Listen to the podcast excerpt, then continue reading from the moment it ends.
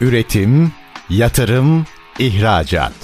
Üreten Türkiye'nin radyosu Endüstri Radyo sizin bulunduğunuz her yerde. Endüstri Radyo'yu arabada, bilgisayarda ve cep telefonunuzdan her yerde dinleyebilirsiniz.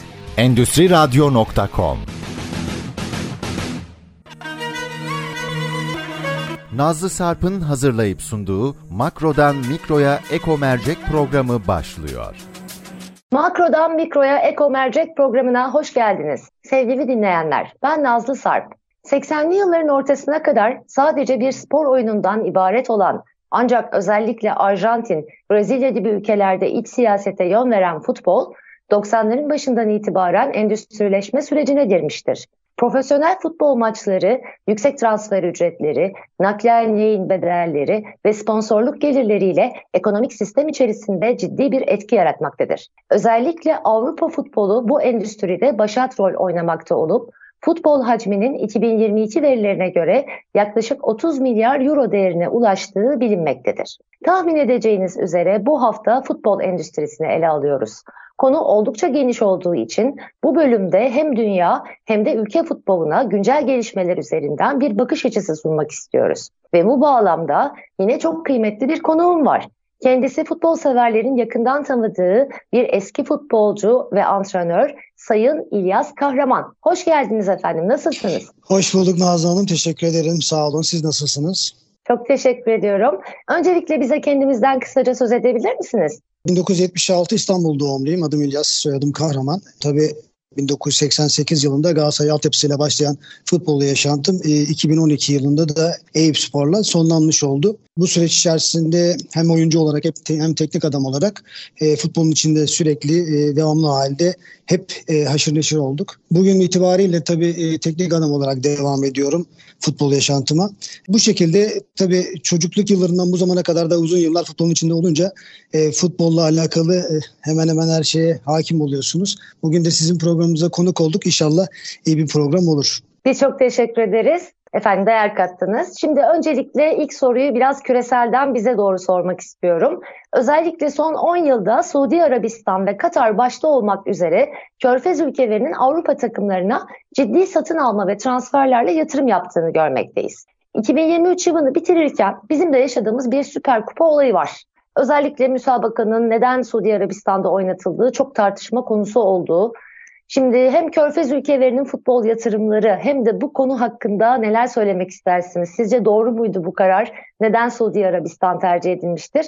Buyurunuz efendim. Ee, önce ikinci sorunuzdan başlayayım. Tabii e, çok e, konuşuldu. Ee, Cumhuriyet'in 100. yılında bu güzide iki takımımız Galatasaray Fenerbahçe arasındaki Süper Kupa'nın Suriye Arabistan'da oynatılması e, gerçekten bence hatalı bir karardı.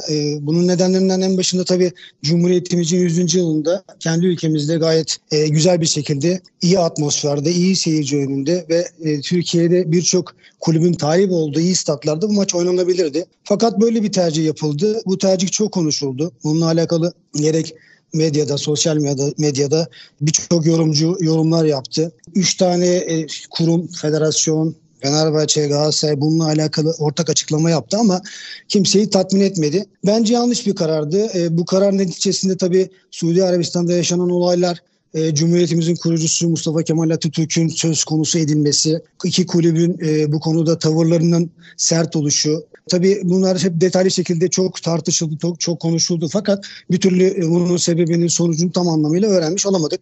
Kimileri e, giyecek kıyafetlerden bahsedildi. Kimisi e, açılacak pankartlardan bahsedildi. Ama e, bunun öncesinde tabii kulüplerin Suudi Arabistan'la bir anlaşma yaptığı, bunu federasyonla beraber istişare ederek karar verildiği konusunda bir e, söylemde bulunmuştu. Ama tabii sonucunda bu maç oynanmadı. Bence yanlış bir karardı. Ee, inşallah ülkemizde iyi, iyi bir atmosferde, iyi bir statta bu maç oynanacak. Ama Suudi Arabistan bölümünü tamamıyla e, şu anki kamuoyunun tam anlamıyla net bir şekilde neden ne kaynaklandığını kimse henüz e, bilmiş durumda değil. Peki o zaman e, şöyle bir yaklaşımla aslında bir soru sormak istiyorum. Burada haklısınız tabii ki Cumhuriyetimizin 100. yılı olması dolayısıyla oldukça hassas e, bir kupa finaliydi diyebiliriz. Fakat diğer taraftan da Körfez ülkelerinin özellikle Avrupa'nın e, çok büyük marka değeri olan takımlara önemli düzeyde yatırımlar yaptığını, transferler gerçekleştirdiğini görüyoruz. Ve günümüzde zaten futbolu endüstri olarak ele aldığımız için buradaki markalaşma da çok önemli bir konu. Benim de açıkçası bu konuda Dünya Gazetesi'ndeki bir köşe yazımında Türk futbolu markalaşmada yine sınıfta kaldı başlığıyla ele almıştım konuyu. Zira e, burada sanki biraz e, hazırlık yapılmaması ya da sözleşmenin doğru yönde şekillendirilmemesi gibi bir takım öngörüsüzlükler, plansızlıklar söz konusu gibi.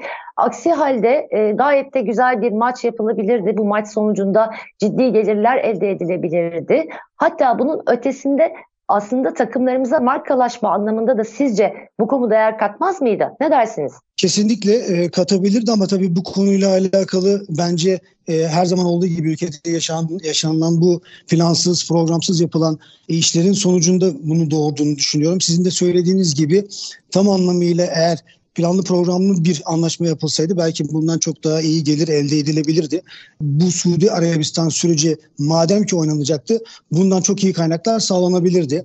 Tabii e, dünya genelinde Suudi Arabistan'ın hem e, Avrupa futbolunu finansal anlamda çok etkilediğini de görüyoruz. E, oyuncu transferlerinin yüksek bedellerle transfer yapılan oyuncuların Suudi Arabistan tercihleri buradaki Avrupa kulüplerinin özellikle sıkıntıya sokması birçok oyuncunun Suudi Arabistan Arabistan'ı tercih etmesi ki bunların başında Cristiano Ronaldo biliyorsunuz öncülük yaptı. Neymar ondan sonra Benzema gibi oyuncuların Suudi Arabistan'ı tercih etmesi bir anda gözleri Su- Suudi Arabistan'a dönmesine neden oldu. E, tabii bu süreç içerisinde federasyonun Suudi Arabistan'la anlaşması hangi konuda oldu? Bunun detayları açıklanmadı. Kulüpler bununla alakalı net bilgi vermediği için maalesef böyle talihsiz bir e, olay yaşandı.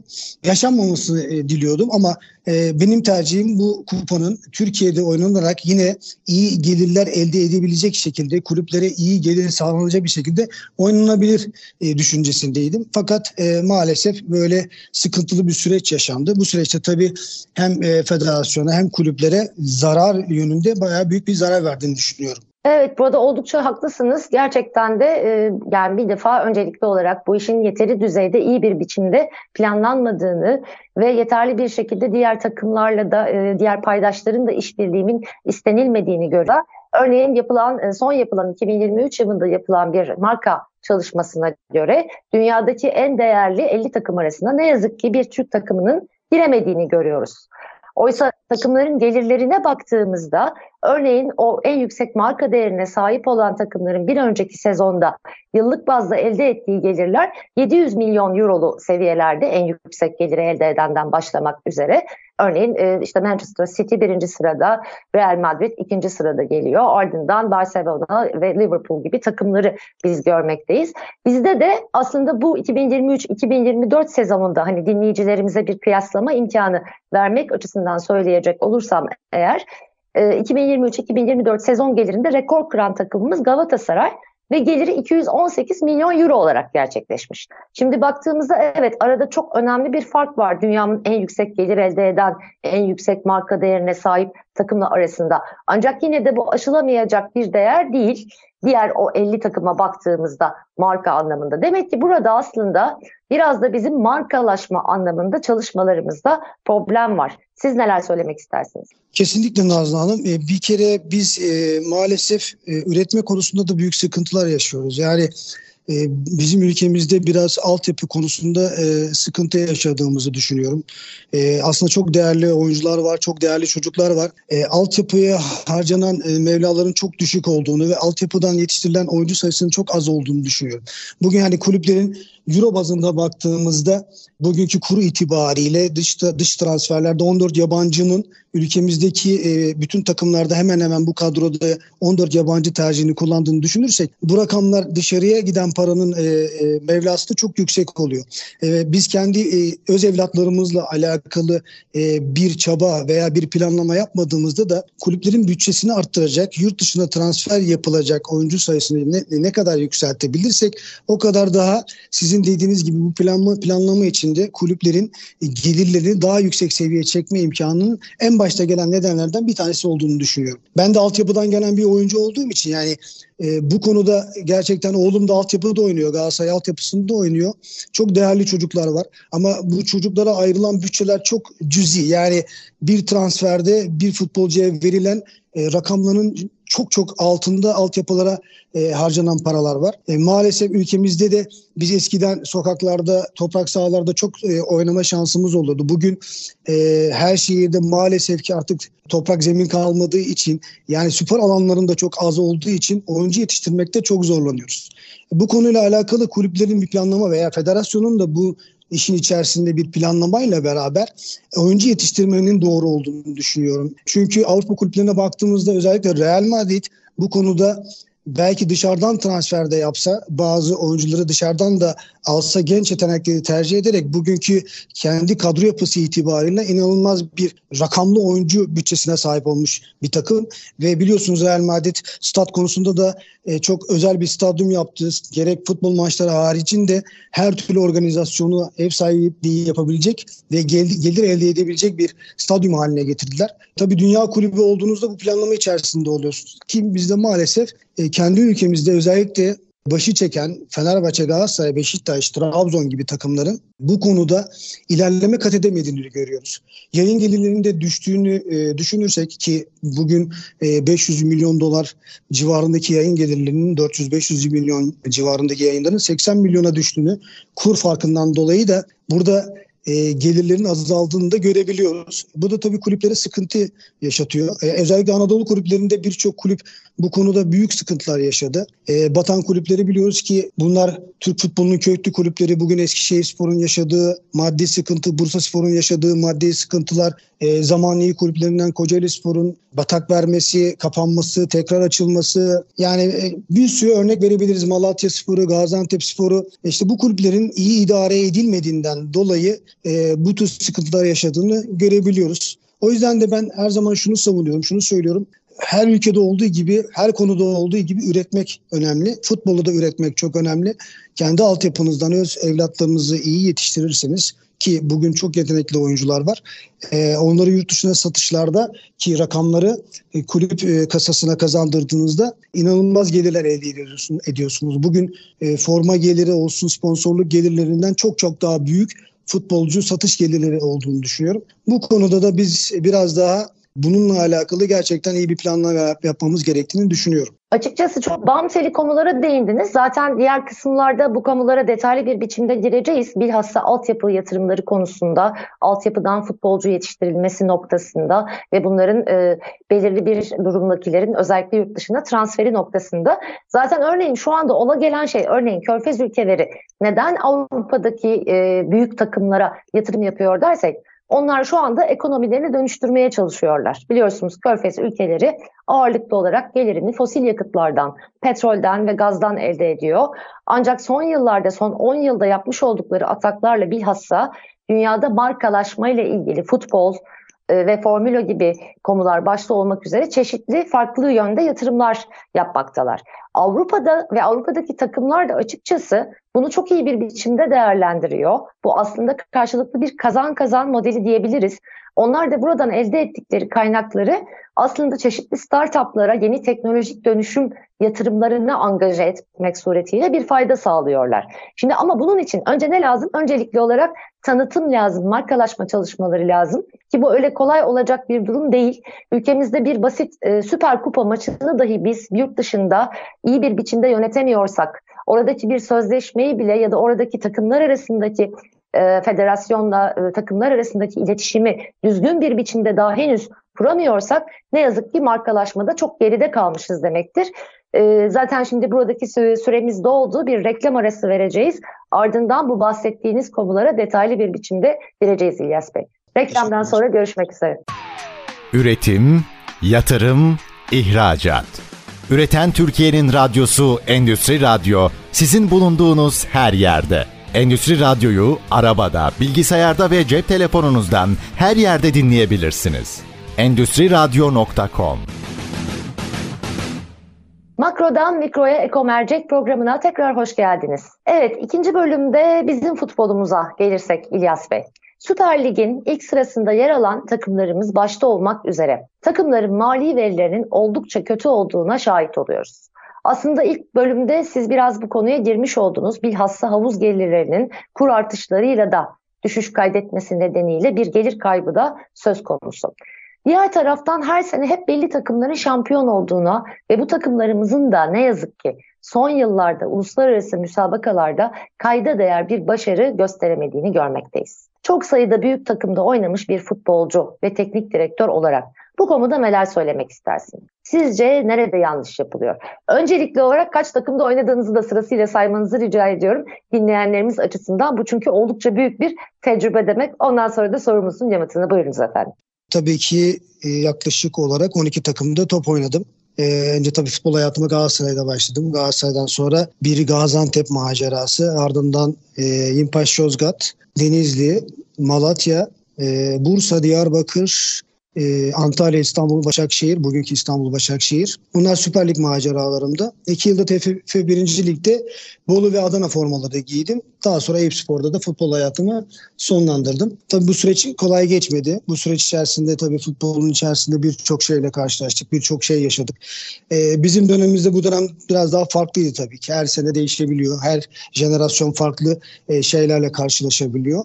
Ama tabii şu anki mevcut konuma baktığımızda gerçekten hem e, maddi açıdan rakamların çok yüksek olduğu, oyuncu profillerinin, oyuncu değerlerinin çok yüksek olduğu, maliyetlerinin çok yüksek olduğu bir dönemdeyiz.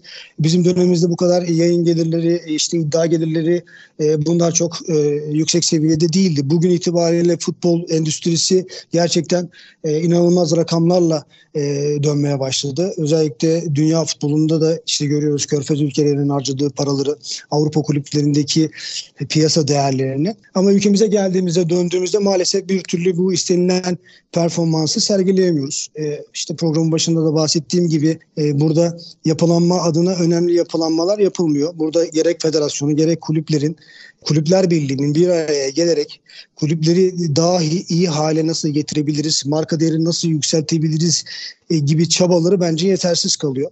E, aslında futbol ülkesiyiz, çok futbolu seven bir taraftar kitlesine sahibiz.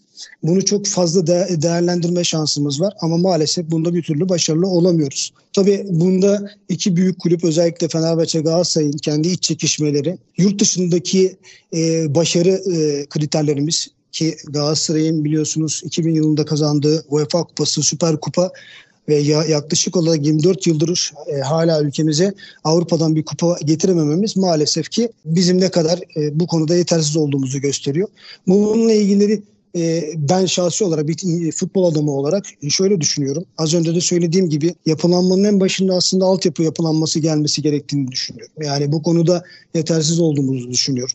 E, futbolcu üretemediğimizi, e, yetiştiremediğimizi düşünüyorum. Ki yetiştirdiğimizde zaten hem kendi ülke e, marka değerimizi yükseltip e, hatta yurt dışına satacağımız oyuncularla da marka değerimizi yükseltebiliriz. Bugün Arda Güler'in Real Madrid serüveni ve bütün dünya basınının ve dünyanın Arda Güler'in üzerinde olması ki bu da zaten ülkemizin bir marka değerini yükselttiğini gösteriyor. En baştaki nedenlerden bir tanesi bu olduğunu düşünüyorum. Ama bu konuyla alakalı da bir türlü e, bir çaba içerisinde olmadığımızı da düşünüyorum açıkçası. Evet aslında çok güzel özetlediniz. Özellikle de altyapıdan oyuncu yetişmemesi takımlarımız açısından çok çok önemli bir sorun. Diğer taraftan çok enteresan bir aslında Süper Ligimiz var baktığımızda. Neredeyse benim çocukluğumdan beri dört tane takım etrafında dönen bir lig. Her sene bunlardan bir tanesi Hatta iki üç tanesi ağırlıklı olarak e, şampiyon oluyor. O yüzden de üç büyük, dört büyük e, kelimeleri çıkmıştır. Esasında gönül isterdi ki takımlarımızdaki hemen hemen her takımımız en alt sıradan en üst sıraya kadar her sene belli düzeyde başarılar göstersin. Tıpkı Avrupa liglerinde olduğu gibi. Ancak biz ne yazık ki bunları hiç göremiyoruz ve siz de sanıyorum e, bir futbolcu olarak, eski futbolcu olarak çok sayıda futbol takımında tecrübe edinmiş birisi olarak söylüyorsunuz ki altyapıdan futbolcu yetişmemesi bunun en belirgin nedenlerinden bir tanesidir.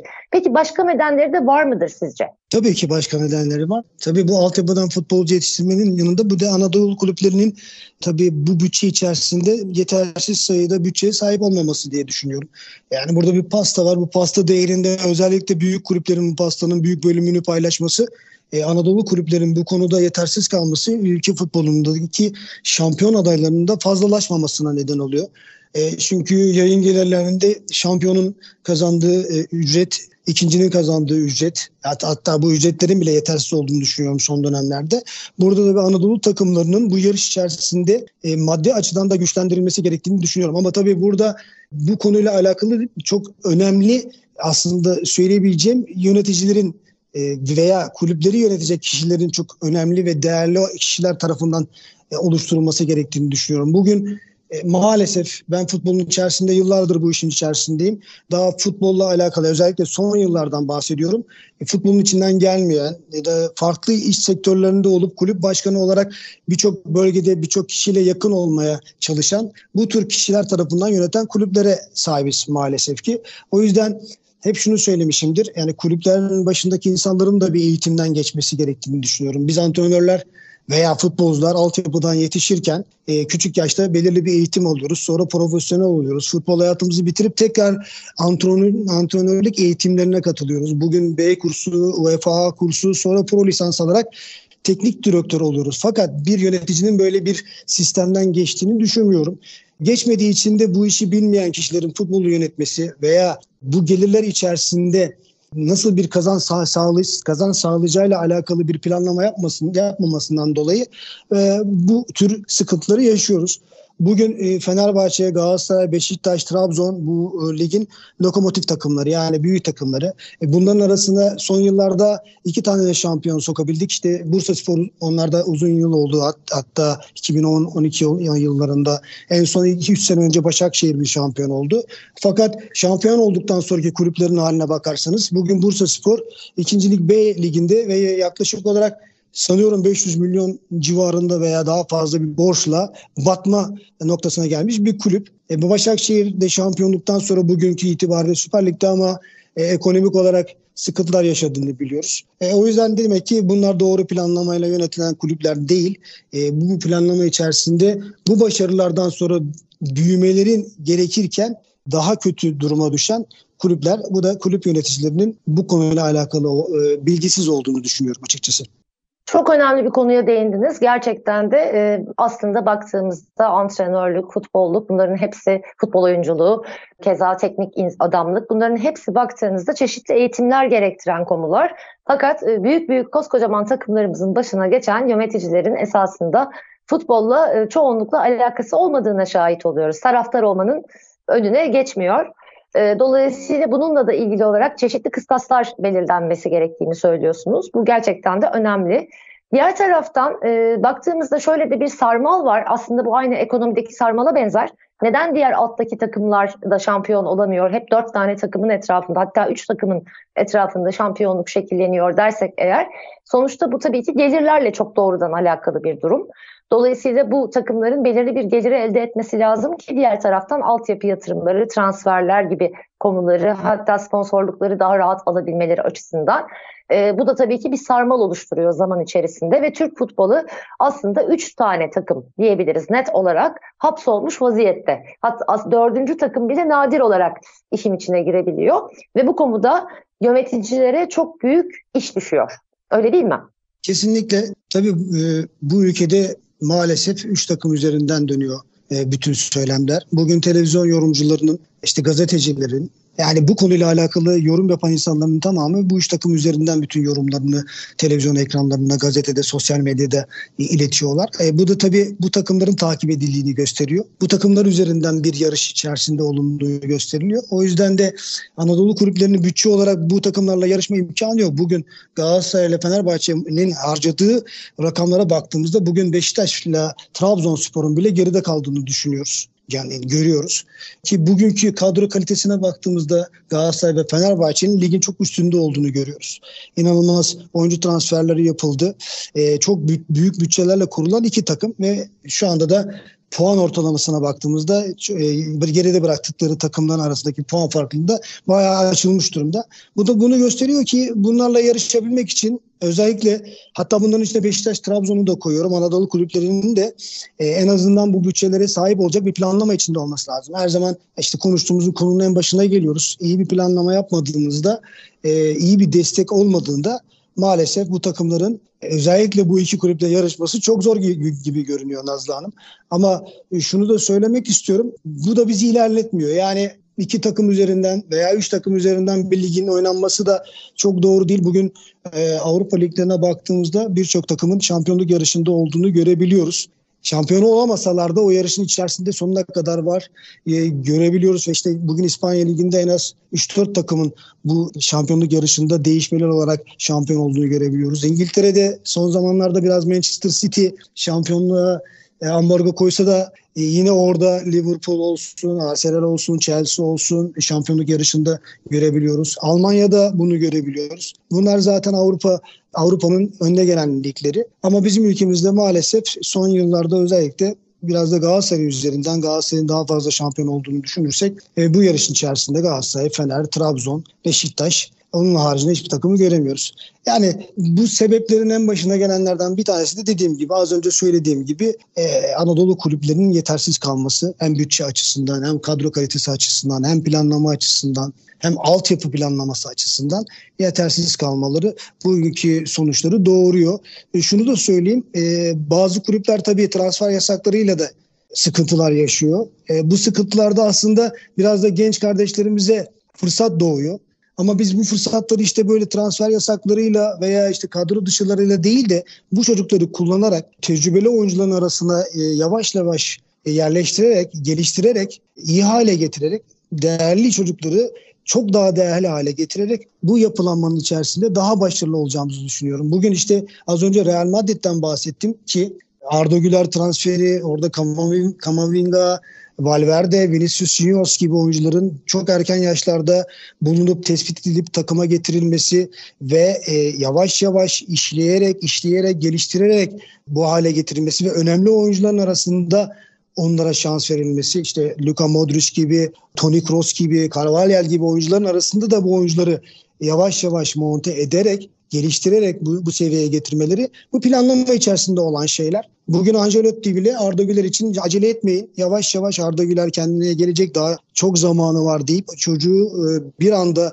e, o kaosun içine atmadan yavaş yavaş monte ederek, hazırlayarak, geliştirerek bir seviyeye getirmeleri bir planlamanın içinde olduğunu gösteriyor. İnşallah bu planlamaları bizim ülkemizde de görürüz. E, daha önceki yıllarda aslında bu tür oyuncuları görebiliyorduk. İşte Arda Güler biraz da önce oldu genç oyuncular için. Daha önceki yıllarda Arda bunu başardı. Barcelona ve Atletico Madrid macerasıyla. E, Merih Demiral, Merih Demiral biliyorsunuz Avrupa'da çok iyi işler yaptı. Aslında e, bir jenerasyon Avrupa'ya çok oyuncu verdik ama son yıllarda maalesef yine e, bu durumdan rahatsızız. E, Arda ile beraber tekrar e, bu sürecin başlaması gerektiğini düşünüyorum. Ee, aslında Nazlı Hanım gerçekten sponsorluk anlaşmaları dahil ben e, hep altyapıdan yanayım. Oyuncu yetiştirdiğinizde, oyuncu pazarladığınızda, oyuncu sattığınızda bugünkü rakamlar çok yüksek rakamlar. Yani 20 küsür milyon euro gibi bir rakam Arda'nın transferi. E, böyle 2-3 tane oyuncu satabilseniz e, işte 40-60 milyon euro gibi gelirler. E, hele bunu Anadolu takımları yapabilse çok daha e, gelişecekler, çok daha yarışmacı hale gelebilecekler diye düşünüyorum. Evet İlyas Bey çok önemli konuları değiniyorsunuz. Gerçekten Arda Güler evladımız diyeceğim. Çok büyük gururumuz. Yine bir tane daha NBA'de oynayan basketbol tarafında Alperen var biliyorsunuz. O da yine gururumuz. Evet. Aslında böyle çok e, başarılı sporcularımız var. Yine voleybol takımımız. Keza kadın voleybol takımı. E, bunlar gerçekten ülkemizin gururu. Ancak işte burada neyi doğru yapmışız, neyi yapmamışız bunun karşılaştırmasını yaparak belki doğru yolu bulma şansımız var. Diğer taraftan e, deminden beri diyoruz ki işte üç tane takımın etrafında şekillenip dönüp duruyor neredeyse. Aslında dört büyüktür de Trabzonspor biliyorsunuz o da çok büyük bir, bir takım. Hepsi büyük takımlarımız baktığımızda. Hatta diğer liglerimiz de. E, ancak maalesef en başta yer alan şampiyon olan takımlarımızın da mali verileri çok çok kötü. Yani ben bu alanda uzman bir kişi olarak diyebilirim ki sizi normal şartlarda bir futbol takımı olmasa yani bir futbol markası değeri olmasa herhangi bir kredi kurumundan kredi bile alamayacak seviyede kötü mali veriler var. Bunların da aslında çok kötü bir biçimde yönetilmiş olduğunu görüyoruz. Bilhassa transferler anlamında. Özellikle de hep yaşlı oyuncuları bünyemize katıyoruz. Tamam yaşlı iyi olabilir ancak sonuçta ileriyi de düşünmek gerekir. Onun yerine altyapıdan yetişmiş çeşitli oyuncular kazandırılabilir. Yani bu bağlamda bir takım inovasyonların e, takımlarımızda yapılması şart diye düşünüyorum. Ne dersiniz? Kesinlikle e, hep aynı konuya denk e, geliyoruz ama bu bütçelerin e, bu duruma gelmesi, kulüplerin bu hale gelmesi işte yapılan yabancı transferlerinden kaynaklı. kur farklarını da düşünürseniz bugünkü rakamlar inanılmaz rakamlar. Bugün Icardi'nin 10 milyon euro aldığı söyleniyor. 10 milyon euronun Türkiye Teki e, Türk lirasının değerine baktığımızda inanılmaz bir rakam haline geliyor. E, kulüp gelirlerinin de bunu karşılamadığını düşünürsek kulüplerin her sene zarar ettiğini herkes biliyor. Tabii büyük kulüplerin e, farklı bir havası var. Farklı bir taraftar potansiyeli var. Biraz daha ayakta durma şansları var. Sizin de söylediğiniz gibi bugün e, bu kulüplerin aslında kredi bile almaması gerekiyor ki mali verilerine baktığımızda. E, ama e, bu sonuç itibariyle e, bu böyle gitmeyecek maalesef gitmeyecek. Bir yerde bu tıkanacak. E, tıkandığında da gerçekten az önce söylediğimiz gibi yani Galatasaray'ın bugün UEFA kupasını kazandığı e, kadroya baktığımızda inanılmaz altyapıdan oyuncu portföyüne sahipti. Yani yaklaşık olarak altyapıdan yetişen 6-7 oyuncusuyla beraber bir jenerasyon yakalamış ve bu jenerasyonla milli takım bazında da başarı elde etmiş bir e, ülkedik. Biliyorsunuz Türkiye üçüncüsü olmuştuk ki o dönemin en iyi jenerasyonlarından bir tanesiydi. E, o dönemki yabancı sayısına baktığımızda e, 4 yabancıyla başlamıştık. Hatta benim oynadığım dönemlerde 3 yabancı vardı takım içinde bulunan. Bugünkü e, gün itibariyle 14 yabancıyla devam ediyoruz. E, 14 yabancının maliyeti inanılmaz bir maliyet. E, burada burada kulüplerin e, bu maliyetin içerisinde gelirlere baktığımızda gelirleri yükselecekken gelirlerin düşmesi e, dolar bazında anlaşmaların 400-500 milyon dolarlardan 80 milyon civarlarına düştü sanıyorum yayın gelirlerinin ve bunları karşılamıyor tabii ki. E, bugün e, büyük kulüplerin altyapıya e, yaptığı yatırımları bilseniz komik rakamlarda. O yüzden e, burada bu yapılanmayı yaparken e, çok aslında idari konuda da çok bilgi sahibi olmak gerekiyor. Sonuçta bunlar şirket statüsünde gibi aslında e, yönetilmesi gerektiğini düşünüyorum. Yani kulüp gelir ve gider tablosuna baktığımızda bugün Real Madrid'i konuşuyoruz. 12 milyon euro civarında karla kapattığını biliyorum. Bilmiyorum yanlış e, okumadıysam. Ki Real Madrid gibi bir takımın da e, gideri olarak baktığımızda birçok gideri var. Ama gelir olarak da kendine gelir sağlayacak birçok konuyla ilgili de bir planlama yapmış durumda. Bizde maalesef bu yok. İşte forma satışları, sponsor gelirleri, stat gelirleri, işte yayın gelirleri bunlar bu oyuncu grubuna, bu transfer yapısına yetişmiyor. Yani yetişmediğinden dolayısıyla da e, her sene geriye giden bir bilançoyla karşı karşıya kalıyoruz. Bunun işte karşılığı nedir? Bunu nasıl çözeceğiz? Bunu altından nasıl kalkacağız? Bu bence iyi bir planlamayla olması gerektiğini düşünüyorum. Bugün federasyon karar aldı. Yabancı sayısını 14'ten önümüzdeki sene 12'ye düşüreceğini açıkladı. E, bir sonraki sene de 11'e düşüreceğini açıkladı. Ama ilk 11'de de yabancı e, serbestliği bıraktı. Yani yerli oyuncu 3 tane yerli oyuncu oynatma zorunluluğu vardı bu sene. Önümüzdeki sene bu kalkacak. 11 yabancı da oynatmaya şansı olacak ama yabancı sayısını 2 sayı daha düşürecek. Bir sonraki sene de 3 3'ü düşürecek. Bu iyi mi kötü mü bu anlamda Türk çocuklarının oynama şansı ne kadar olacak? 3 yabancı daha aşağıya azalacak ama bu arada 11'de ilk 11'de 11 tane yabancı hakkı da doğacak. Bu süreç bakalım nasıl olacak? Şimdi ben bu süreçle alakalı da şöyle düşünüyorum. Yani e, belki hocalarının teknik adamları baktığımızda işte elleri zorlanıyor, oyuncu değişikliklerinde sıkıntı yaşıyorlar. Ama Türk oyuncusunun bir türlü yetiştirilmesi gerektiğini düşünüyorum. Yani programın başından beri aslında ana konumuz bence üretmek. Ee, üretmek üzerinden gitmeli gitmek gerektiğini düşünüyorum. Burada e, işte bu yabancı sınırının bence biraz daha düşük olması gerektiğini düşünüyorum. Neden derseniz çünkü yerli oyuncu her zaman bu oyuncuları yetiştirdiğimizde bunlardan kazançların çok yüksek maliyetlerde kulübe fayda sağlayacağını düşünüyorum. O yüzden yani mutlaka bununla alakalı bir çalışma yapılması gerekiyor diye düşünüyorum açıkçası. Evet çok doğru bir konuya daha işaret ettiniz. Özellikle e, kısıtlandığı yabancı oyuncu sayısı ancak e, istenirse bir takım parası varsa açıkçası tamamında yabancılardan bir kadro çıkartarak maç e, yapabilir. Dolayısıyla bunun da aslında belki önüne geçilmelidir diyebiliriz. Sevgili dinleyenler şimdi bir reklam arası veriyoruz. Son bölümde görüşmek üzere. Üretim, yatırım, ihracat. Üreten Türkiye'nin radyosu Endüstri Radyo sizin bulunduğunuz her yerde. Endüstri Radyo'yu arabada, bilgisayarda ve cep telefonunuzdan her yerde dinleyebilirsiniz. Endüstri Radyo.com Makrodan Mikro'ya Eko Mercek programına tekrar hoş geldiniz sevgili dinleyenler. İyaz Bey şimdi asıl cam alıcı noktaya geldik sanırım. Türk futbolu üzerindeki önemli tartışmalardan biri her zaman hakem meselesi olmuştur. Maalesef bir hakemimizin yaşadığı olaydan hareketle de önemli bir gündeme dönüştü. Öncelikle şiddetin her türlüsüne, hakeme, doktora, öğretmene, kadına, insana, hayvana olumunun her türlüsünü, her ne sebeple olursa olsun kınıyoruz diyerek VAR ve hakem sistemi hakkındaki görüşlerinizi rica ediyorum. Biliyorsunuz VAR sistemi de son dönemlerde oldukça fazla tartışmalı ve yine e, hakemlerimiz de çok mercek altında. Buyurunuz lütfen.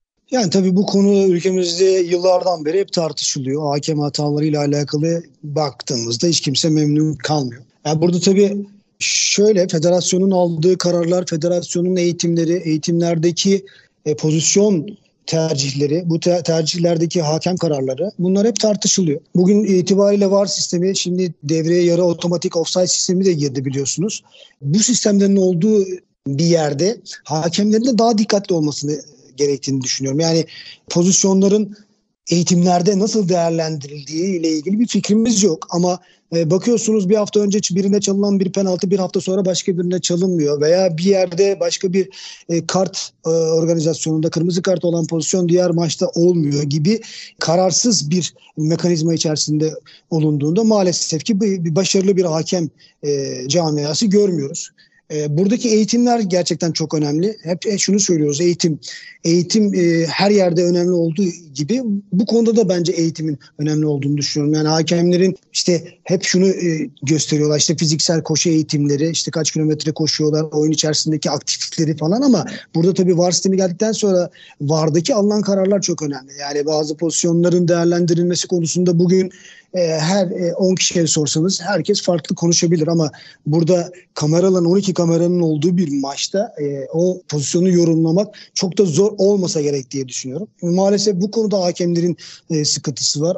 Burada da e, şu devreye giriyor. İşte büyük takımların maçlarında işte hakemlerin taraftar baskısı, camia baskısı, federasyondan gelecek söylemler, işte Merkez Hakem Kurulu'ndan alacakları tepki, gözlemcilerle yaşayacakları problemler bunların e, sıkıntısını yaşadıklarını düşünüyor. Yani e, bu konuyu bir türlü aşamıyoruz Nazlı Hanım. Yani bu konuyla alakalı Avrupa ülkelerine baktığımızda Avrupa'da ki pozisyonlarda çalınmayan pozisyonlar bizim ülkemizde maalesef e, bir bakıyorsunuz saçma sapan şekilde çalınmış oluyor. E, bugün itibariyle e, kulüpler de bundan çok rahatsız. E, her pozisyonla alakalı işte var konuşmalarının dinlenmesi isteniyor. Kimsenin kimsene güveni olmadığı bir ülkede yaşıyoruz maalesef.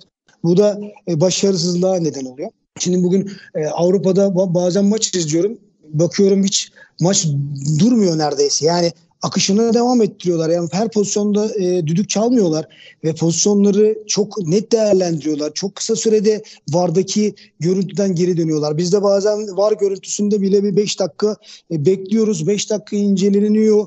E, oradaki konuşmalar ne konuşuluyor? İşte VAR hakemleri ne söylüyor? İçerideki hakem ne söylüyor? Gibi gibi hep karmaşa içerisinde bir e, hakem camiası izliyoruz. E, tabii ki bu da son dönemlerde yaşanan olaylar tabii ki biz e, bunu hiçbir zaman kabul edemeyiz. Yani şiddetin hiçbir yönde hiçbir hareketini kabul etmiyoruz ama hakemlerin de bu konuda şapkasının önüne koyması, federasyonun da bu konuyla alakalı çok daha iyi e, bilinçlendirici çalışmalar yapılması, e, pozisyonların değerlendirmesi konusunda net olunması, herkese eşit şekilde davranılması e, bence e, bu konunu düzeltecek şeylerden bir tanesi. Ama dediğim gibi maalesef kimse kimseye de beğendiremiyorsunuz. Bugün e, Galatasaray kendi maçında bir pozisyonda olduğu zaman itiraz edebiliyor. İşte bu söylemler, röportajlar, röportajlardaki açıklamalar yani aslında bunların tamamıyla bence bir seviye haline getirilmesi gerektiğini düşünüyorum. Bu konuyla alakalı federasyonun ağır kararlar almasını gerektiğini düşünüyorum. Çünkü e, hata olacak tabii ki ama bu kadar kameranın olduğu ve içeride varda bulunan hakemlerin yani orada 3 hakem olduğunu düşünürsek 3 içeride gözlemcisi yani 6-7 hakemin e, bu kadar net e, yanlış kararlar vermesinde yanlış olduğunu düşünüyorum. İşte eğitimden diyor bahsediyoruz. Eğitim önemli. İşte bu sezon başında alacakları kararlar önemli. Bugün Galatasaray Fenerbahçe maçını izledik geçen yani Süper Kupa öncesindeki Kadıköy'deki maç. Yani topun oyunda, oyununda kalma süresi 40 dakika. Yani bu bir facia.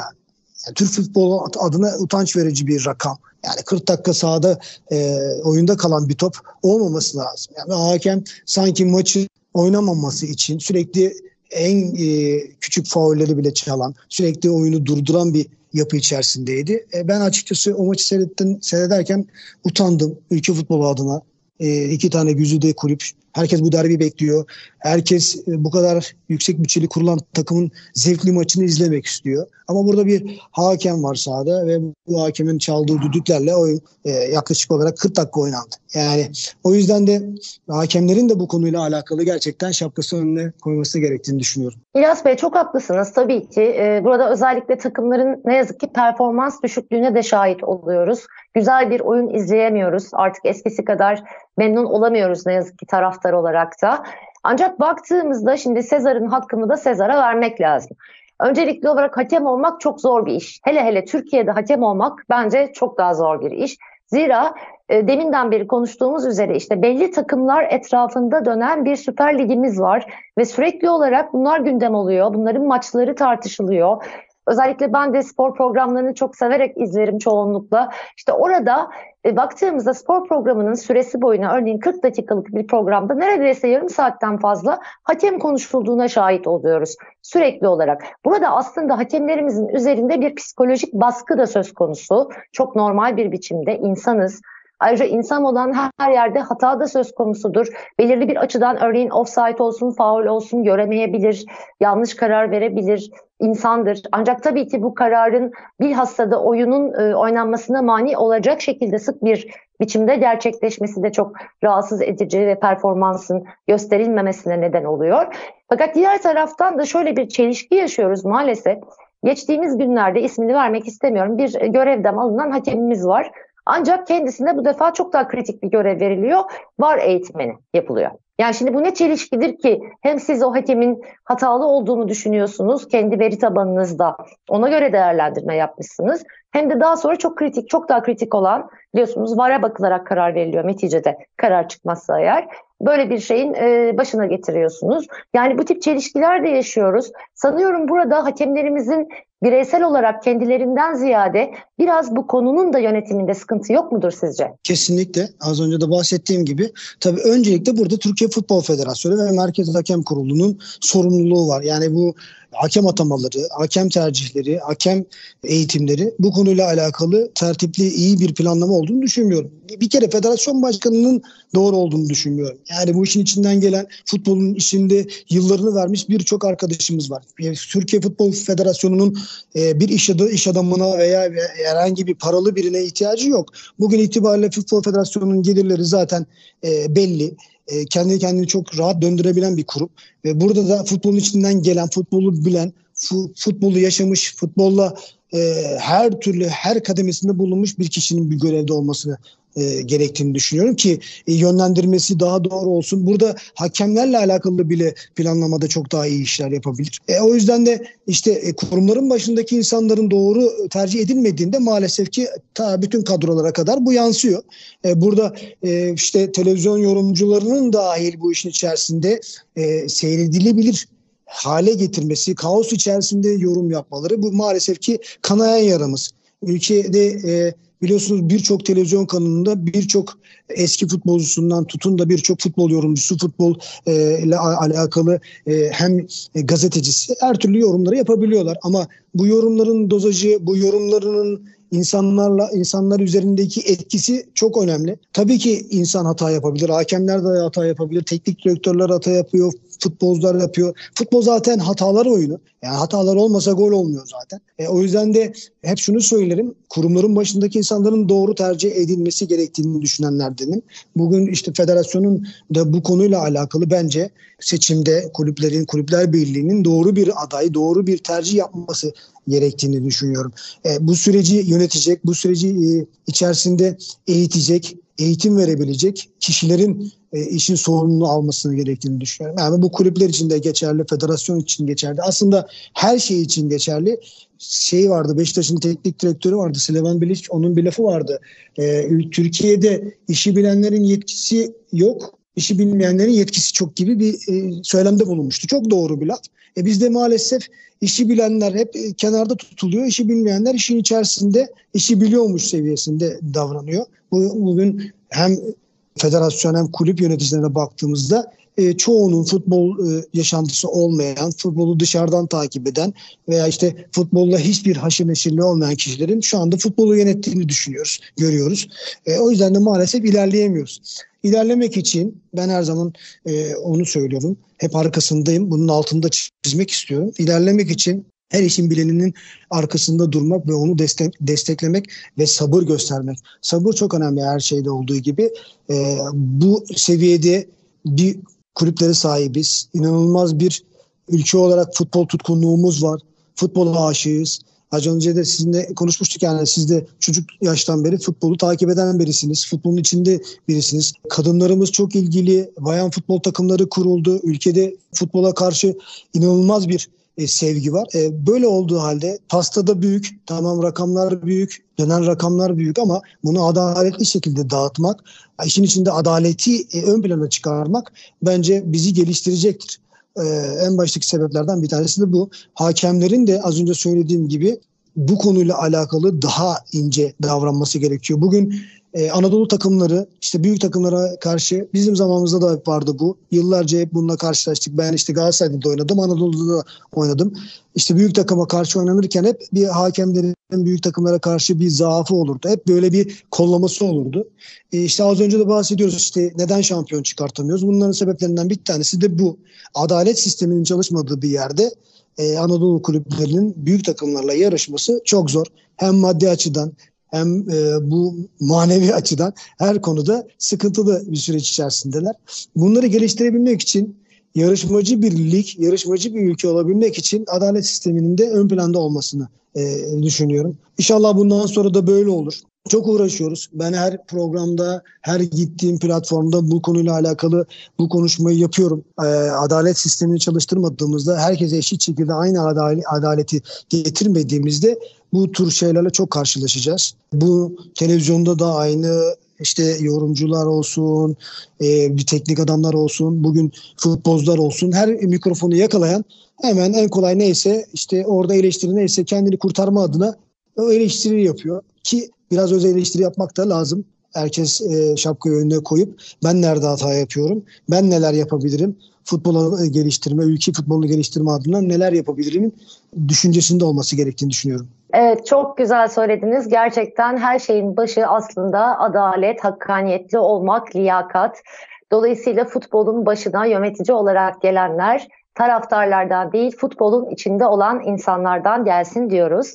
Süremizin nasıl geçtiğini anlamadım İlyas Bey. Gerçekten e, çok güzel değer kattınız programımıza. Son olarak söylemek istedikleriniz var mıdır? Teşekkür ediyorum. Çok güzel bir programdı. Çok keyif aldım. Çok önemli konulara değindik. İnşallah bizim söylemlerimizde ses bulur. Yani insanlar da bu konuyla alakalı bir çaba içerisinde olur. Özellikle e, futbol dünyasından bahsediyorum.